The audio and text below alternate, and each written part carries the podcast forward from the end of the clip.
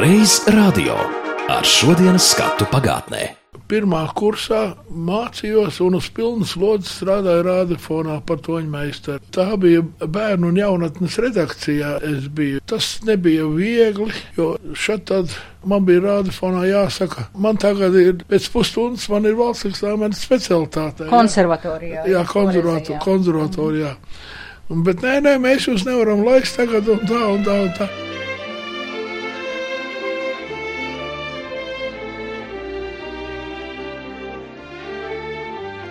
Starp dažādās pabeigtības stadijās esošiem vijoļu korpusiem, darba rīkiem un līmes podiņiem risinās saruna ar izcilo vijoļu meistaru un tulkotāju Zigurdu Elsbergu par tiem 14 gadiem, kas tika pavadīti darbā radio mājā. 1954. gadā Staņislavs Broks uzaicina savā vietā par skaņu režisoru topošo vijoļu spēles studentu. Pats Broks dodas uz Daugopili un tur vēlāk kļūst par atzītu mūzikas skolas direktoru. Zigurdam Elsbergam patīk darbošanās pie skaņa pults. Viņš ir apdarinājis skaņas tādām raidlugām kā Mērnieku laiki, Fausts, Vārnu ielas republika, veidojis muzikālo noformējumu Raņa dzējas lasījumiem un arī vēl šobaldien populārajai bērnu raidlugai Sniegbaltītas skola. Āre, ko nozīmē audzināšana? Miša, ja. Mišiņ, iesim Uz kurieni? uz skolu. Uz skolu? Jā, Māmiņa, māmiņa. Vai tu runā no tiesas? māmiņa vienmēr runā no tiesas. Iesim, mišiņ. Uz skolu, uz skolu. Iesim, iesim. Grazia ceļu putni zvēri, vilki lapsas puces jāri. Miška skola, kad iet, miška skola, kad iet. Grazia ceļu putni zvēri, vilki lapsas puces jāri. Miška skola, kad iet, miška skola. Pirmo reizi ar Zigordu Elsbergu runājos pirms pieciem gadiem radiomājā viņa bijušajā darba vietā literāru dramatisko raidījumu studijā. Lūk, fragments no 2010. gada intervijas. Mans uzdevums bija labi skanīgi ierakstīt aktierus, pēc tam sadarboties ar komponistiem. Vislielākā sadarbība toreiz bija ar Induli Kalniņu, ar Ringoldu Ori. Man pa tiem gadiem, kopš es te strādāju, stipri paliks atmiņā tikšanās un darbs ar tādiem lieliem aktieriem kā Klintīte, Zīle, Videnieks un Velta Līne. Nu, viens piemērs tāds, ja, ka dažādi veidi ir aktieri. Salīdzinot, piemēram, vidinieku ar līniju, ja, tad viņiem bija tāda auga nesadarāmība, ka vidinieks bija ļoti iecentrēts un koncentrējies uz to ierakstu ar sirdi un dvēseli. Tad to tekstu gandrīz zināju no galvas, un, un tā, bet Velta Līna bija no tām virtuozām aktrisēm, kura varēja triekt un stāstīt kaut kādas piedzīvojumus un anekdotas, kārtīgi izsmēties, un pēc dažiem mirkļiem raudāt un notēlot to lomu. Ja? Un tad pat nonāca tik tālu, ka vidinieks lūdza Kārlim Pamšam, lai, tad, ka viņam jānāk, lai Līna iet prom no studijas, ka viņa izsita no iedvesmas tā tēla. Ja? Jūs vistuvākajā laikā sameklējat partizānu lode vai mūsu likumīgās tiesas. Uzaicinu nekavējoties pārtraukt šās mājas aplenkšanu un vistuvākajā laikā izvākties no padomju Latvijas teritorijas. Pretējā gadījumā būsim spiesti jūs smagi samizot. Un kā tu parakstīsies? Ne citādi kā tas, kas esmu. Es parakstos sarkanās armijas seržants Girts Vīņauts. Jā, tu raksti vienmēr taisnību. Tāpat kā man pirmajās vēstulēs. Tev toreiz bija 17 gadi. Tev 19. Te arī ir minētie Velta Līna un Alfrēds Videnieks 1959. gada ierakstā radiolugā Visiem rozes dārzā zied, kas veidot pēc Miervalža birzes garstāsta bet turpinot šķetināt atmiņas par 50. gadu beigām radio, Zigurds Elsbergs atminas laiku, kad bijis tikko precējies ar savu pirmo sievu, tulkotāju no skandināvu valodām Solveigu Elsbergu. Viņi gaidījuši ģimenes pieaugumu un mitinājušies radiomājas pēdējā stāvā. Bija tāds īpatnējs laiks, No kopmītnes bija jāaiziet 58. gadā, un Rādfons man šeit iedeva istabiņu. Kur tas bija? Nu, augšā tur, kur fonoteka, tur, kur ir stikla griezts, tādu varēja gulēt un zvaigznēs skatīties. Tur jums iedeva istabiņu? Jā. Bet jums taču bērniņš un sieva? Bērniņu gaidīja, jā, un sieva.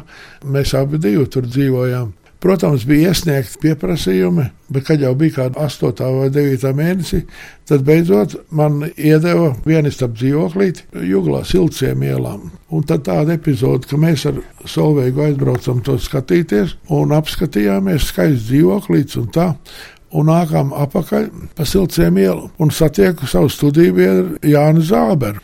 Un viņš nāk ar savu draugu. Es saku, es nāku no dzīvokļa apsties, un es nāku skatīties dzīvokli. Zābers saka, nu tad būsim kaimiņos. Un tagad Zābers prasa, kurā mājā kāds dzīvoklis tad ir. Es saku, 13. māja, 20. dzīvoklis. Viņš paskatās uz to savu aicinājumu. Viņam ar 13. māja, 20. dzīvoklis abiem diviem iedot viens un tas pats vienistabs dzīvoklis. Kā tā atrisinājās? Jānis saka, pagāja, bet jums taču bija redzams, jau Solveigai, ka gaidāt pēcnācēju un tā. Viņš saka, tad es atkāpjos, esi mierīgs, un tad viņš dabūja, tā bija tāda jauna māja uzcelta, toreizajā Gorkijēlā, tuvāk operai un labāk un visādi, ja, bet tie pārdzīvojumi mums bija tādi. Tev apsalaido stāvu es būtu zīda josta, kad tu laimē daļi posta, un zem soļiem strauti hirts.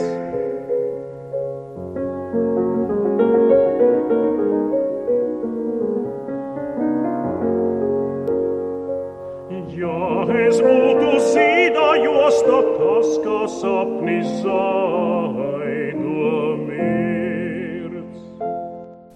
Tas jautājums skanēs tā bērnišķīgi un naivi. Vai jums patika tas darbs, rādio, ko jūs te darījāt? Jo jūs taču tomēr bija tā viole, tā lielā mīlestība. Ar to lielo mīlestību ir tā, ka es esmu kara laika puika, gan esmu griezis stabulas ganos, gan priecājies par tām dziesmām, ko es esmu dzirdējis uz laukiem. Un, um, Mājās mums bija patafons, kad aizbrauca manas mammas draudzenes, kas bija Baltvācietis. Ja, tad mēs mantojām tādu lielu mūzikas kastu ar tādām bleķa plāksnēm, kur atskaņoja klasisko mūziku, ja, mehāniskā veidā. Tā mīlestība uz mūziku bija, bet es biju arī ļoti kaislīgs lasītājs. Viole bija jau skaisti. Es sāku tikai 15, 16 gadu vecumā, kur jāsāk violīt ir no 5, no 6 gadu vecuma. Ja. Protams, man te ģenerāļu uzpleči bija vienmēr, eh, ka es gribēju kļūt par pasaules ranga virtuozu. Klausījos, kā Kārlis Britners Liepā jau uz ielas pa skaļru un raidīja Brauns vieļu koncertu. Ja? Un mans sapnis, protams, bija kļūt par pasaules rāmu zvaigzni un tā. Reiz radio. Un tagad turpinām ar nesen tapušo interviju par vijoļmeistaru darbības laiku ārzemju raidījuma redakcijā, kas radio tika nodibināta 1959. gadā, un kuras paspārnē izveidojās raidījums latviešiem svešumā, kas vēlāk tika pārdēvēts par dzintarkrastu. Propagandas raidījums, kurā stāstīja, cik laba ir dzīve Padomju Savienībā un cik draudzīgas un atvērtas attiecības valda starp Padomju un Brālīgo republiku un arī kapitalistisko valstu pārstāvjiem. Lūk, fragments no 1966. gada raidījuma ieraksta. Pagājušajā nedēļā Latvijā uzturējās Vispasaules evaņģēliski Luterāniskās baznīcas apvienības ģenerālsekretārs dr. Kurts Šmits Klausens, Vācijas Federatīvā republika, šīs pašas apvienības Eiropas minoritāšu sekretārs Pauls Hansens, Dānija, doktors Bruno Micelfelds, Austrālija un Vispasaules evaņģēliski luterāniskās baznīcas apvienības preses šefs Hans Heslers, Vācijas Federatīvā republika. Lūko sacīja doktors Kurts Šmits Klausens, apvienības ģenerālsekretārs. Die äh, Delegation, die Sie hier vor sich sehen, ist eine Delegation des Lutherischen Weltbundes. Wir sind vier Mitglieder und kommen aus Genf. In Genf befindet sich das Hauptquartier des Lutherischen Weltbundes. Der Lutherische Weltbund selber ist die weltweite Dachorganisation aller evangelisch-lutherischen Kirchen. Mūsu delegācijas četri locekļi pārstāv Pasaules Luterānisko baznīcu apvienību. Pirmkārt, ko es šeit ievēroju, tikko bijām izkāpuši no lidmašīnas, ir draudzība un viesmīlība, ko sastapu jūsu zemē, vai tas būtu PSRS galvaspilsētā, vai arī šeit, Latvijas Republikas galvaspilsētā. Jūsu viesmīlība ir mūs burtiski apbūrusi. Tā nav tukša frāze vai glaimošana, bet gan fakta konstatējums. Otrakārt, mūs dziļi iespaidoja lielā jauncelsmes griba. Tā ir vienkārši fenomenāla. Visur redzamas jaunbūves, jauniekārtotas ielas. Jūsu celtniecības metode, pielietojot gatavus blokus, atstāja patiešām lielu iespaidu. Mēs guvām arī patīkamu iespaidu par veidu, kādā mūsu apvienības baznīcas šeit pilda savu darbu. Latvijas Lutāniskajās baznīcās jutām draudzības un brālības garu, kas mūs ļoti dziļi iespaidoja. Mani dziļi iespaidoja tieši tas, cik draudzīgi un atklāti mūs šeit uzņēma. Arī mūs, vāciešus. Tas nebūtu nav pats par sevi saprotams. Līdzās šiem raidījumiem skan arī raidījumi zviedru valodā, un tur uzaicina strādāt Zigurdu Elsbergu par mūzikas noformētāju.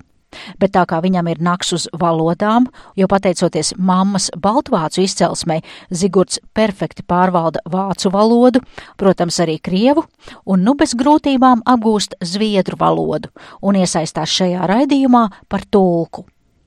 Tad, kad bija šo raidījumu pieņemšana, noklausīšanās, tad tur nāca kaut kur no ārienes tādi visādi no draudzības biedrības un no KGB. Jā, un raidījumā latviešiem toreiz to nesauc par trimdu, tie ir latviešu svešumā. Jā. Tur arī stāstīja, cik tā padomu Latvijā dzīve jauka un tā un tā un tā, un cik drūmi viņiem tur centās pievilināt un pārvilināt uz to padomju Latviju. Vienā otrā gadījumā tas izdevās. Bija tāds rakstnieks Londonā Zariņš, un tad bija tāds Teodora Reiterdēls Leons Reiters ar viņa kundzi, kuri atbrauc atpakaļ uz Latviju. Uz Latviju atnākušiem trimdas latviešiem tas daudzos gadījumos beidzās traģiski. Gan Leons Reiters, gan arī Sariņš, ja, un drīz vien visādos mistiskos veidos aizgāja viņa saulē. Ja.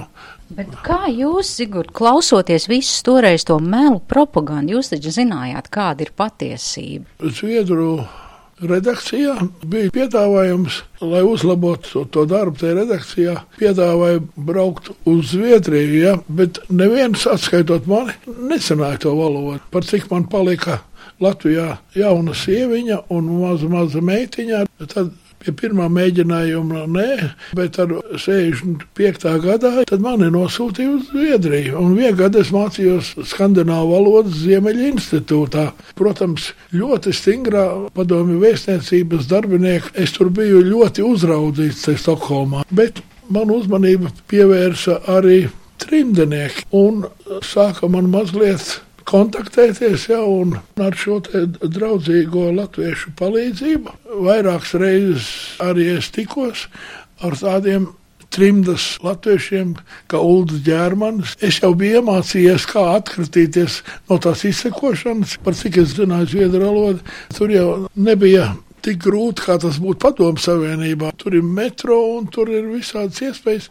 Jūs bēgāt no tiem čekistiem, kas jums tur bija piekomandēti? Jā, es, es biju iemācījies no viņiem atkratīties. Tad es vairāk kārt biju arī ciemos uz draudzīgām sarunām ar Bruno Kalniņu, ar uh, trimdas sociāldemokrātu līderi ja, un ar pseidonīmu. Es sāku arī šo to rakstīt avīzē brīvība, ja, kas iznāca reizi nedēļā. Tās tādas lietas, kas nebija zināmas vēstniecībai un Jūs nepieķēra, tad, kad jūs atbraucāt atpakaļ? Sākumā nē, es atbraucu atpakaļ 68. gadā, un man iecēla Zviedru redakcijā par kultūras redaktoru. Un man bija gan jāgatavo, gan pašam jāierunā, jo es brīvi runāju zviedriski, ja, un jāpieliek mūzika.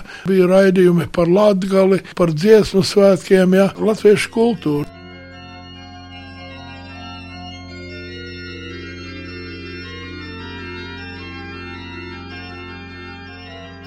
Igår kväll, liksom andra kvällar, kunde man se hundratals musikvänner som begav sig till domkyrkans konsertsal i Riga för att njuta av god orgelmusik.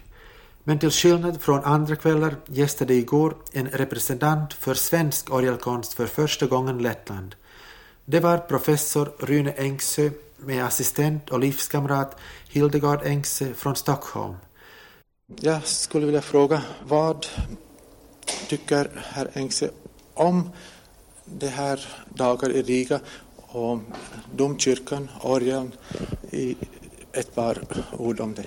Ja, det har varit en underbar upplevelse att få komma till Riga och få spela i denna kyrka som är så vacker och så minnesrik. Tā 1967. gadā raidījuma ierakstā Zigords Elsbergs sarunājas ar zviedru ēģelnieku Runni Engsu. Taču ārzemju raidījumu programmu vadība lika runāt ne tikai paša Zigurda sagatavotos tekstus par mākslu un kultūru, bet arī citu informāciju. Bet par cik es to darīju labi, tad man nolika priekšā, nu, tagad lūdzu, nolasi tādu tekstu zviedriski, un nolasi tādu. Es saku, bet es tos neesmu rakstījis, un es neesmu šeit kā diktors. Es tikai savus pārraides, tā ir kultūras pārraides. Tad bija ļoti neapmierināti un nosauca to par nedisciplinētību. Un tā soli pa solim šī mana atteikšanās un nedisciplinētība. Es uzturēju slepenus sakarus arī ar trimdeniekiem. Dažādos veidos devu viņiem informāciju, slepeni. Jūs bijāt spiegs savā veidā. Es, es tad biju spiegs, jā. Bet um, vienu tādu sūtījumu ar diezgan slepenu informāciju, respektīvi neaizgāja tas sūtījums. Un Čeka kaut ko sāka nojaust. Un es nezinu, cik daudz viņi uzzināja. 68. gadā man iesauca pie sevis priekšniecība, pie Neilanda kabinetā un saka, vispirms brīdināja par manu nedisciplinētību, nepakļaušanos un nelasīšanu. Un es saku, atmirklī, piedodiet, es gāju un piedzinu, es jau toreiz biju kopā ar Vizmu Belševicu. Un Vizmu teica, prom, prom, prom, prom, prom, prom, nekāda tur. Es iegāju iekšā un uzrakstīju, lūdzu, man atbrīvot no šīs. Un tad es nonācu lielā toreizējo varas iestāžu nežēlastībā.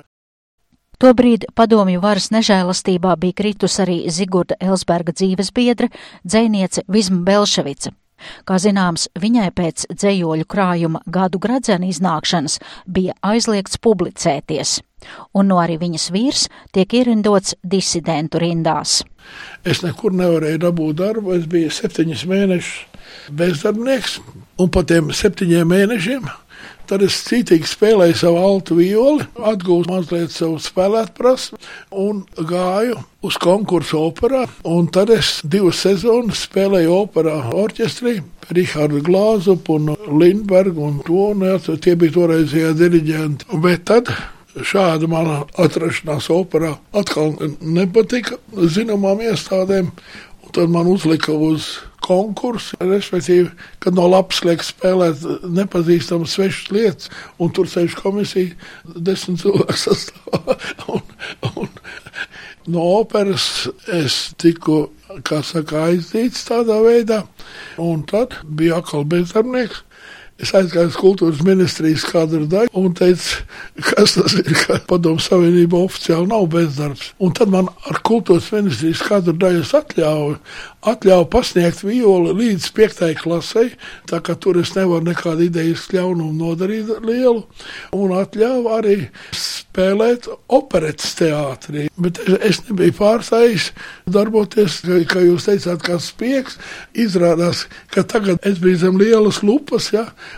Un tie mani sūtījumi zviedru valodā arī atradās Kirova rajona komitejā, ka te tāds operetes mūziķis dod informāciju, jo es biju uzrakstījis par kapu svētkiem, kā brāļu kapos liek skaļruņus un dzēš no svecītes, ja, ka cilvēki braukdami mājās 11. tramvajā, cilvēku sejās bija naids pret pastāvošu iekārtu, bet tāpat cik tas bija zviedriski, ja, bet no attiecīgi bija iztulkojuši. Un tad man patriec arī no operetes. Un tad vienreiz pilnīgi nejauši uz ielas es satikos ar tādu diriģenti Ivanu Kokaru, kurš bija dažus kursus augstāk, bet mēs bijām konservatorijā. Ja? Un viņš prasa, nu kā, kā iedraudzi? Es saku, esmu bezdarbnieks. Viņš saka, vai, bet man ir brīva laboranta vieta. Ja? Viņš saka, vai par tevi krimināllieta kāda ir ierosināta? Es saku, ne, krimināllieta nav ierosināta. Viņš saka, tas viss kārtībā, ja tev nav nekāda krimināllieta ierosināta. Un pieņēma man darbā konservatorijā, ja, par laborantu, kurš bija atbildīgs par muzikas instrumentiem. Un es tur tā angažējos, nu, bet tam ar rādio vairs nav nekāda sakara. No rādio es biju prom.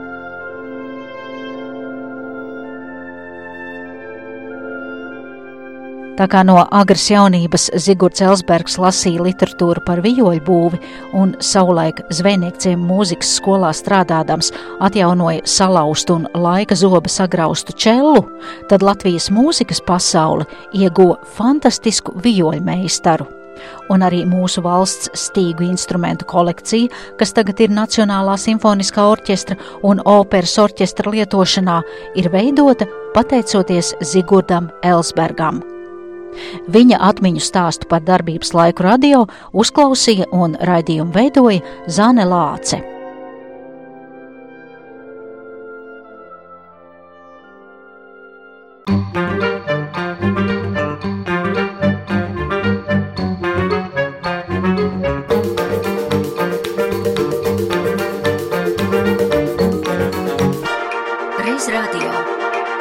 Reiz radio ar šodienas skatu pagātnē.